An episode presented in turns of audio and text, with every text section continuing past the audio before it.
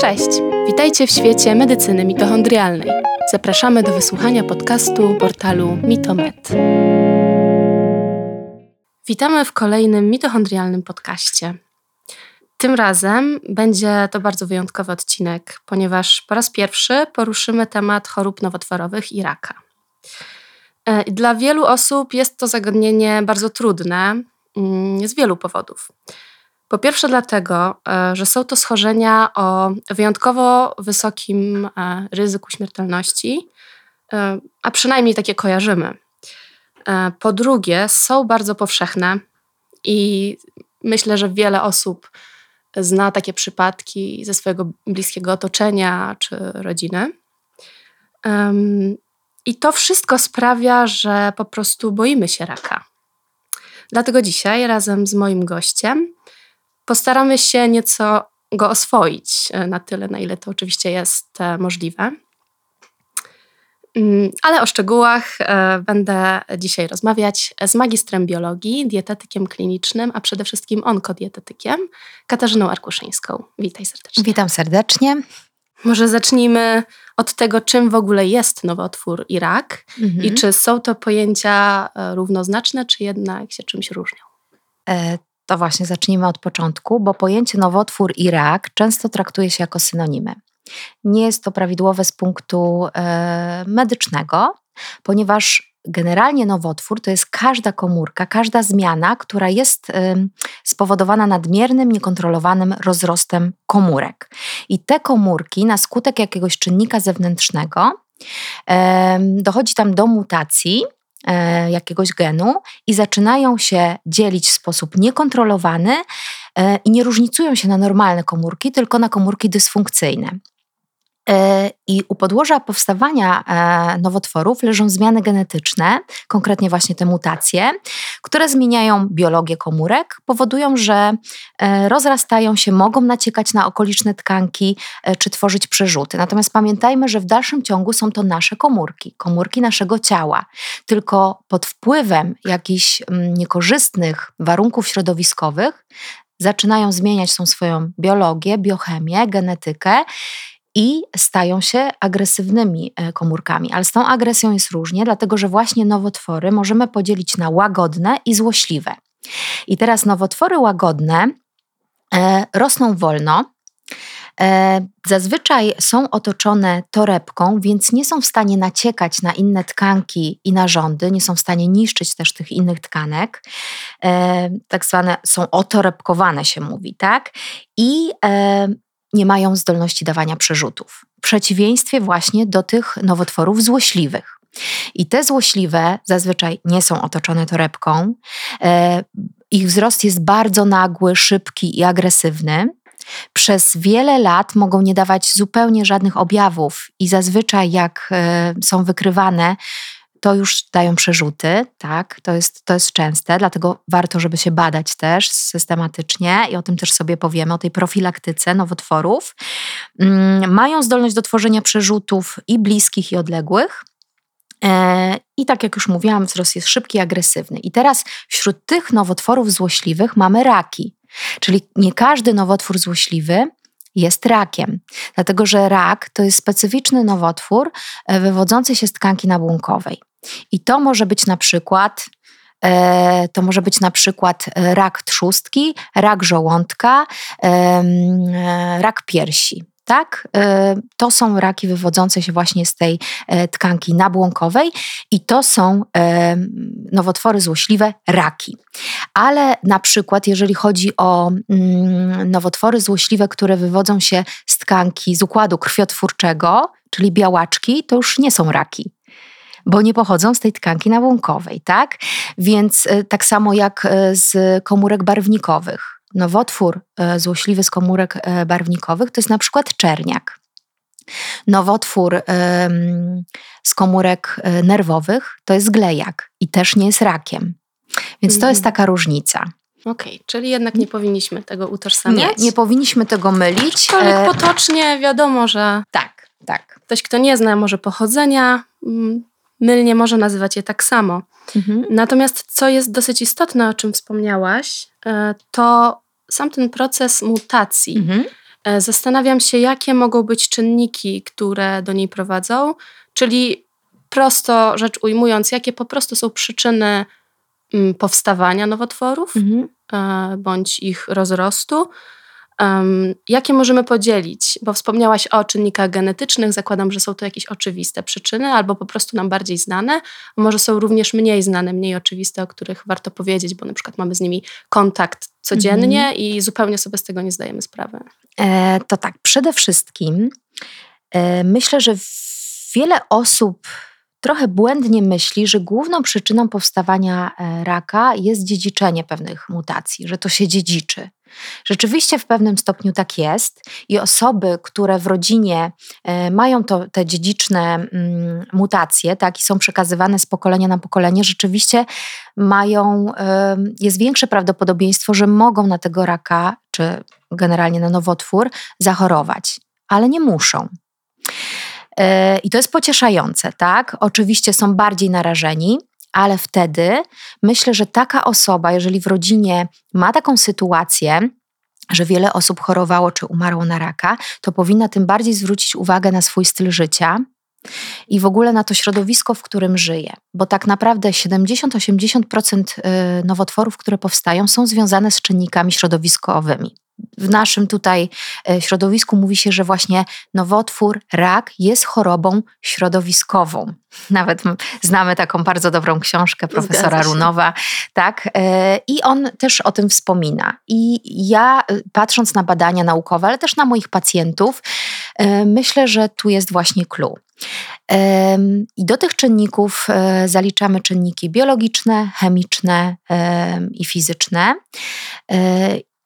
I generalnie to, jak my żyjemy i jak my się odżywiamy, mm, jaki mamy e, rytm okołodobowy, ale jeszcze wracając do tych czynników fizycznych, no to mamy na przykład promieniowanie UV, promieniowanie jonizujące. Jeżeli chodzi o promieniowanie UV, no to wiadomo, że jesteśmy bardziej narażeni e, na powstawanie czerniaków, tak? Mhm. Jeszcze dodam mm, to, to pierwsze pytanie, o którym mówiłaś, bo zapomniałam o tym, że Dlaczego powinniśmy się badać? Dlatego, że nowotwory łagodne mogą się uzłośliwić. I jeżeli jest e, wcześniej wykryty nowotwór łagodny, jakaś zmiana i e, lekarz ją wytnie z marginesem, z kilka tam jakichś zdrowych e, komórek, czy, czy kawałek jakiejś tkanki będzie wycięte, to zazwyczaj mamy 100% pewności, że ten nowotwór jest wyleczony. Niektóre nowotwory lubią y, łagodne powracać, tak jak na przykład polipy jelita grubego e, albo tłuszczaki. I teraz ważne jest, żeby zrobić raz na jakiś czas tą kolonoskopię, czy sprawdzić, co się dzieje e, w żołądku, tak, czy w dwunastnicy, bo wszystkie takie zmiany zapalne, na przykład w żołądku to mogą być nadżerki albo wrzody, tak, mogą się uzłośliwić. Może to przejść w metaplazję, czyli taki mm, no, stan zmiany już błony śluzowej żołądka, a potem w dysplazję. To jest już taki stan przedrakowy, tak? Ale to też mamy na to wpływ, bo jeżeli zrobimy gastroskopię, czyli znowu badajmy się, bo mamy na przykład zgagę, reflux, czujemy, że coś jest tam nie tak, e, czasem jest krwawienie, tak, z, z układu pokarmowego, ym, czy takie uczucie pełności po posiłku, badajmy się. To nie musi być nowotwór. To mogą być wrzody, mogą być nadżerki, może być stan zapalny błony śluzowej żołądka i to da się wyleczyć. Są sposoby i są leki, i są naturalne sposoby, tak? Mm, przez jakiś, ja jestem za tym, żeby przez chwilę brać leki, a później naturalnymi sposobami mm, na przykład ogarniać tą błonę śluzową żołądka i niwelować stany zapalne. Jeżeli chodzi o, na przykład o jelito grube, to polipy wychodzi w kolonoskopii na przykład kilka polipów, warto je, i to zazwyczaj lekarze przy kolonoskopii robią, po prostu usuwają to. Sprawdzamy histopatologię, sprawdzamy, czy to jest um, łagodna zmiana, czy już złośliwa, ale jeżeli jest łagodna i ją wytniemy, to po prostu za pięć lat znowu robimy kolonoskopię. Chociaż ostatnio rozmawiałam z takim bardzo fajnym lekarzem gastrologiem, gastroenterologiem i mówił, że najlepiej, jeżeli są polipy w rodzinie i w ogóle w kolonoskopii wyszło, to co dwa lata powinniśmy sobie to sprawdzać, czy tam jakieś zmiany nie zaszły. I też mamy na to wpływ, tak? Bo, y, bo tutaj przy jelicie grubym kluczowe znaczenie ma dieta nie genetyka, tylko właśnie dieta, bo w ogóle nowotwór jelita grubego yy, narażone są głównie osoby, które yy, na przykład jedzą za dużo czerwonego mięsa, palą papierosy, piją alkohol, a nie, ale nie zawsze, bo znam, mam też takich pacjentów, które pod tym względem się, y, którzy dobrze się prowadzili, ale na przykład mieli bardzo dużo stresu w swoim życiu. I na przykład siedzący, siedzący tryb życia przez stres, y, który mieli na przykład wygenerowany w pracy, nie dojadali albo źle jadali albo zajadali, tak? I to też y, spowodowało te stany zapalne y, i powstanie raka jelita grubego. No właśnie, czyli to mogą być trochę te mniej oczywiste przyczyny, czyli stany zapalne, takie tak. błędy, tak. na które na co dzień nie, nie, zwracamy uwagi, jak stres, tak? Myślimy, no tak. każdy go ma, ale jak to się tak kumuluje i kumuluje, to jakiś wpływ na proces nowotworzenia i te mutacje również może mieć, zakładam. Ogromny. Ja uważam, że ogromny i mm, w ogóle praktycznie 50% nowotworów e, można im zapobiec poprzez stosowanie pewnych zasad, czyli wprowadzenie dobrej diety, e, dobrego stylu życia e, i unikania mm, pewnych zachowań typu palenia tytoniu, spożywania alkoholu. Mówi się, że a tam raz na jakiś czas, tam mogę, czy codziennie sobie pyknę piwko. Natomiast to nie jest prawda, że to nic nam nie robi, dlatego mhm. że ten alkohol tak naprawdę w badaniach e, naukowych wychodzi, że jest kancerogenny i powoduje te mutacje. I o ile mamy sprawny układ odpornościowy, i zaraz sobie powiemy o tych mechanizmach obronnych naszego organizmu, o ile mamy sprawny e, układ odpornościowy, to on sobie poradzi, tak? Bo każdego dnia tak naprawdę w naszym organizmie pojawiają się komórki nowotworowe, tylko mhm. one są eliminowane przez nasz układ odpornościowy, na przykład przez komórki komórki natural killers, które po prostu unicestwiają te komórki, tak? Albo na przykład mitochondria, nasze ukochane, które e, tutaj e, stanowią pieczę e, i taką ochronę właśnie przed mutacjami. Mitochondria są tak niezwykle sprytne, że tak powiem, że potrafią nawet usuwać takie zmiany w DNA. Więc tutaj Pewnie też sobie dzisiaj porozmawiamy o mitochondriach, ale jeszcze do tych przyczyn powstawania nowotworów, to tak, za dużo solimy. I sól, szczególnie taka rafinowana, bo ja zawsze mówię, że ta sól himalajska czy kłodawska, tam są przynajmniej minerały, tak? Ale jednak ona może podrażniać śluzówkę, błonę śluzową żołądka. I tutaj te mm, raki mm, czy nowotwory układu pokarmowego e, mogą być też spowodowane przez nadmiar soli. Ale pamiętajmy też, że nie ma nigdy jednej przyczyny powstawania nowotworu. Nie ma jednej. To się nakłada kilka czynników, ale na przykład y, jest tak, że jest jakaś mutacja genetyczna, mamy słabszy dzień, nie wyspaliśmy się, do tego nadużywamy alkoholu, palimy papierosy, stres w pracy, i wtedy tych czynników jest więcej. I rzeczywiście nasz organizm, nasze y, komórki odpornościowe mogą sobie z tym nie poradzić. Kolejna rzecz to jest nadwaga i otyłość. Bardzo ważny temat, ponieważ wydaje się tak, no źle wyglądam, bo jestem y, otyły czy, czy, czy mam nadwagę, ale to nie, nie o to chodzi bo chodzi na, tak naprawdę, że tkanka tłuszczowa jest taką fabryką e, prozapalnych e, substancji, e, hormonów różnych, które też mogą powodować nowotwory. Taką e, przyczyną jest też również nadmierne spożywanie tłuszczów trans, jedzenia przetworzonego e, i cukrów. Mhm. Cukrów prostych, tak? bo mamy węglowodany proste i złożone. Te złożone są nam potrzebne, stanowią makroskładniki niezbędne do, e, do funkcjonowania naszego organizmu, ale też e, pytanie, ile jest tych węglowodanów? Czy one przeważają w naszej diecie e, i, i jakiej są jakości? Czy to są węglowodany złożone z błonnikiem, czyli warzywa, owoce i e, produkty z pełnego przemiału, tak, czyli mm, no i również kasze, e, czy wcinamy batony, pączki, drożdżówki i białe pieczywo, bo to jest zupełnie coś innego. Oprócz tego uważam, że za dużo czerwonego mięsa, i to też jest w badaniach naukowych e, podnoszone bardzo często, że mm, to czerwone mięso w dużych ilościach spożywane przyczynia się głównie do rozwoju raka jelita grubego. Więc tutaj ograniczenie tego mięsa, nie musimy przejść na e, weganizm, wegetarianizm od razu, tak? Ale ilość tego mięsa w ciągu tygodnia, moim zdaniem 300 e, gramów do 500 to już jest naprawdę maksymalnie w ciągu tygodnia. E, ja osobiście ograniczam go tak do 300 raz, dwa razy w tygodniu wystarczy. Można nadrobić rybami, można nadrobić właśnie wegetariańskimi daniami. I kolejna rzecz, y, myślę, że za mało, tak jak patrzę na pacjentów, jest spożywanych warzyw, owoców i tych właśnie y, produktów z pełnego przemiału. A przecież warzywa, owoce mają mnóstwo antyoksydantów, które chronią nasze mitochondria, chronią nas y, przed tym szokiem oksydacyjnym, tak? I, i też właśnie no, tutaj ta dieta ma znaczenie. Dalej jeszcze idę w stronę mm, biologicznych przyczyn raka, to są infekcje. To mogą być wirusy, mogą być bakterie, ale mogą też być pasożyty.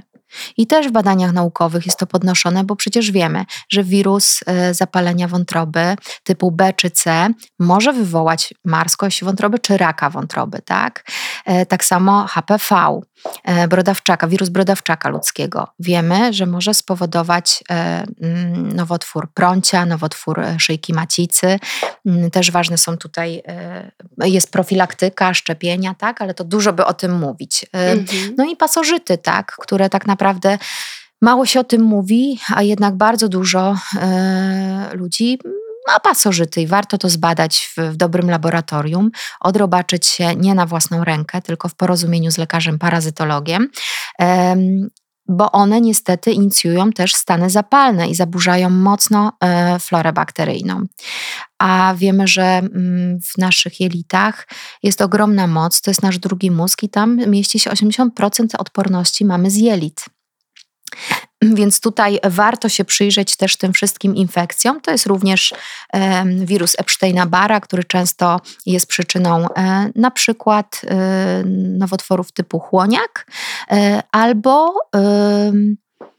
też innych chorób, tak jak Hashimoto, czy właśnie te autoimmunologiczne choroby. Bardzo często u swoich pacjentek, które mm, chorują na Hashimoto czy niedoczynność tarczycy, mm, zlecam im diagnostykę pod względem właśnie infekcji bardzo często dużo nam wychodzi. Hmm.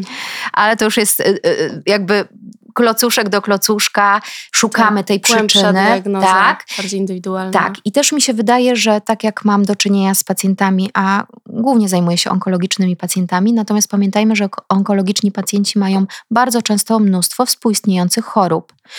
Tak naprawdę chyba nie miałam ani jednego pacjenta, no może jedna mi się pacjentka zdarzyła, która miała tylko nowotwór na przykład piersi. Generalnie zazwyczaj jest tak, że już 5 lat wcześniej miała Hashimoto, niedoczynność tarczycy, SIBO, potem się okazało, że pasożyty, tak, że jakieś infekcje inne. I tak naprawdę ten nowotwór rozwija się latami. To nie jest tak, że z dnia na dzień. Potrzebuje wielu lat na, na, na rozwój, tak? Zazwyczaj jest najpierw tym łagodnym, potem może się uzłośliwić, potem już jest wtedy proces przyspieszony. E, ale wcześniej były inne choroby, były stresy.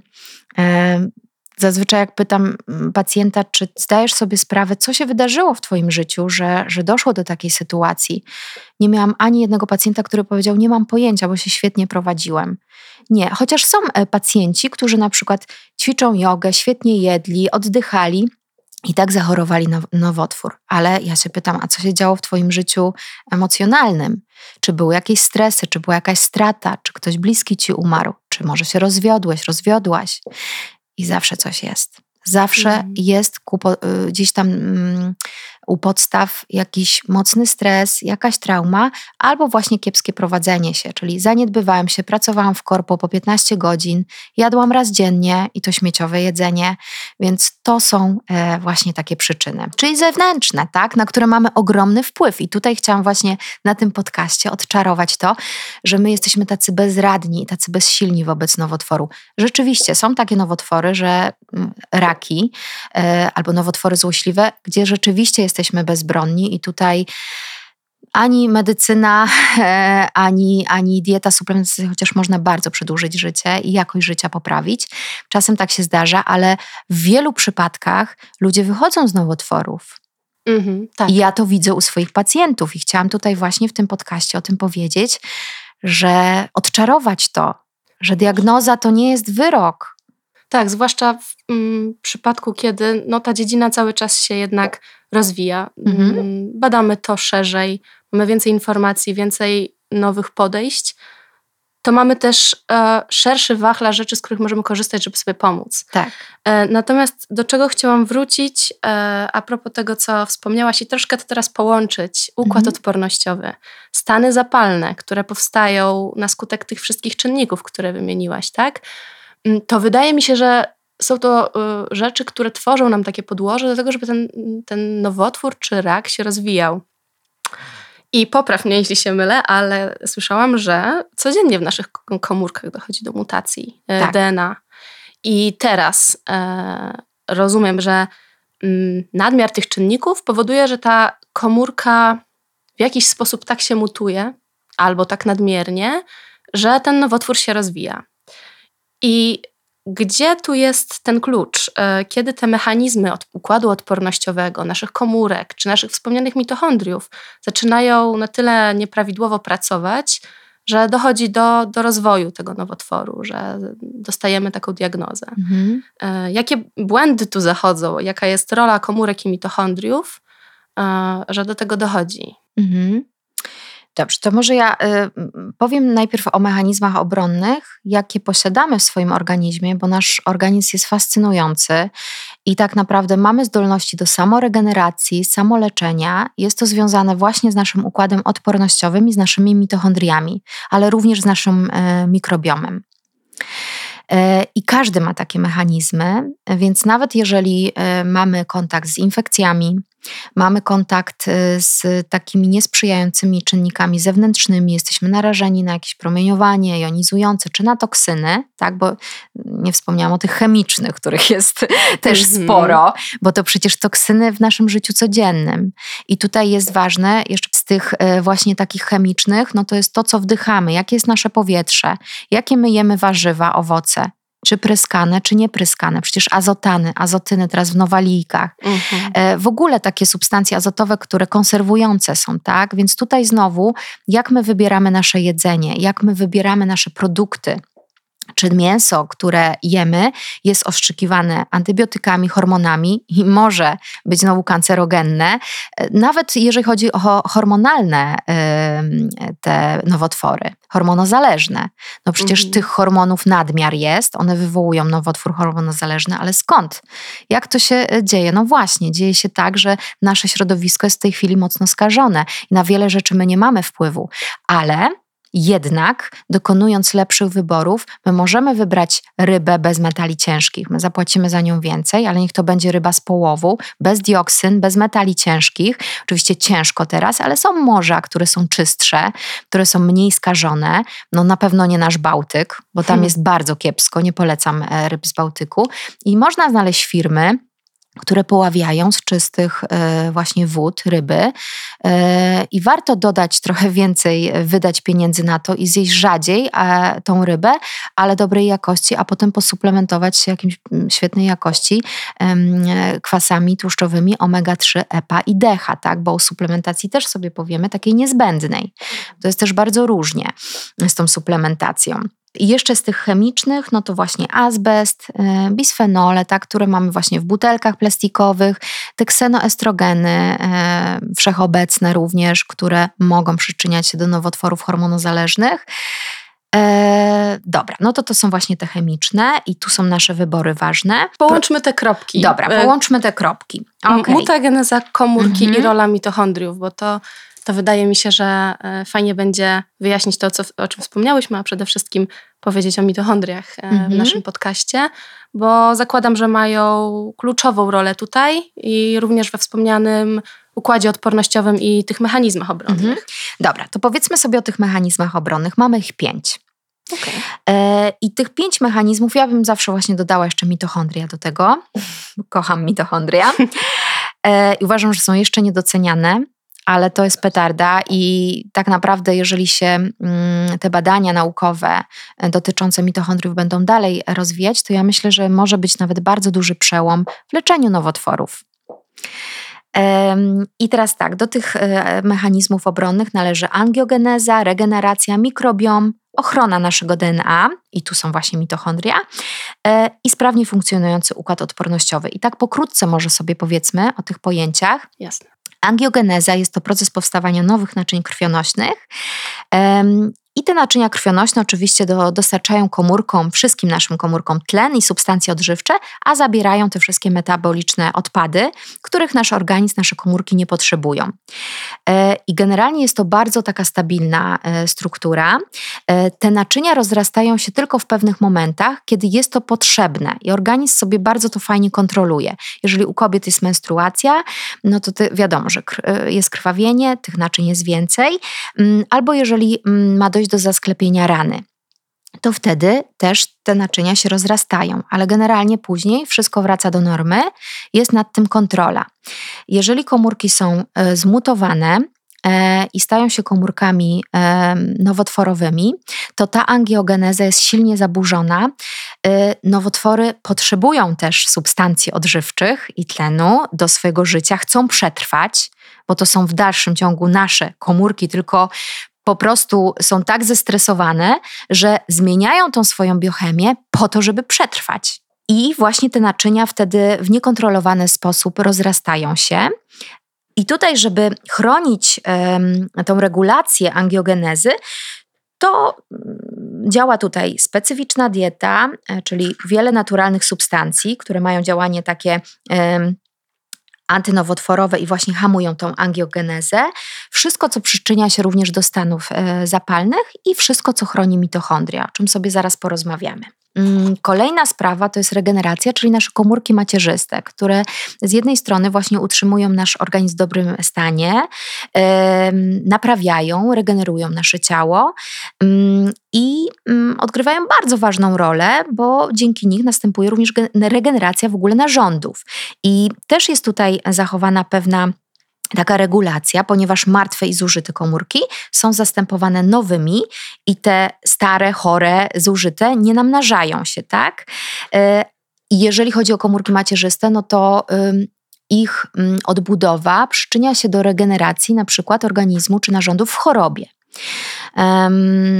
I tak naprawdę tutaj też ogromny wpływ na te komórki macierzyste ma dieta czyli to, w jaki sposób one będą funkcjonować. I teraz na przykład e, komórki układu odpornościowego, które są tak niezbędne w zwalczaniu komórek nowotworowych, regenerują się co 7 dni. Ale żeby się zregenerowały, no to my musimy dać im na to przestrzeń. Właśnie przez swój styl życia, dietę, wysypianie się, o czym sobie jeszcze powiemy. No i kolejna rzecz to jest mikrobiom. E, który, no, jak wiemy, 80% odporności jest w jelitach. Im bardziej różnorodny mikrobiom w naszych jelitach, tym lepiej. Tym nasz organizm lepiej funkcjonuje.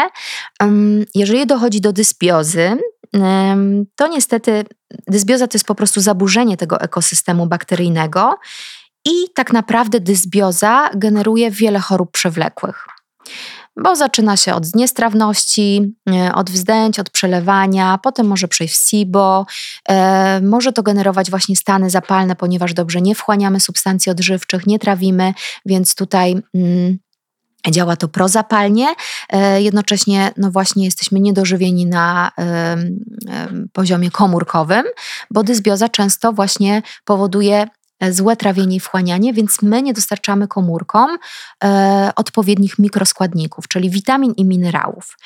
E, I tutaj bardzo ważne jest, bo my nasz mikrobiom możemy dokarmiać.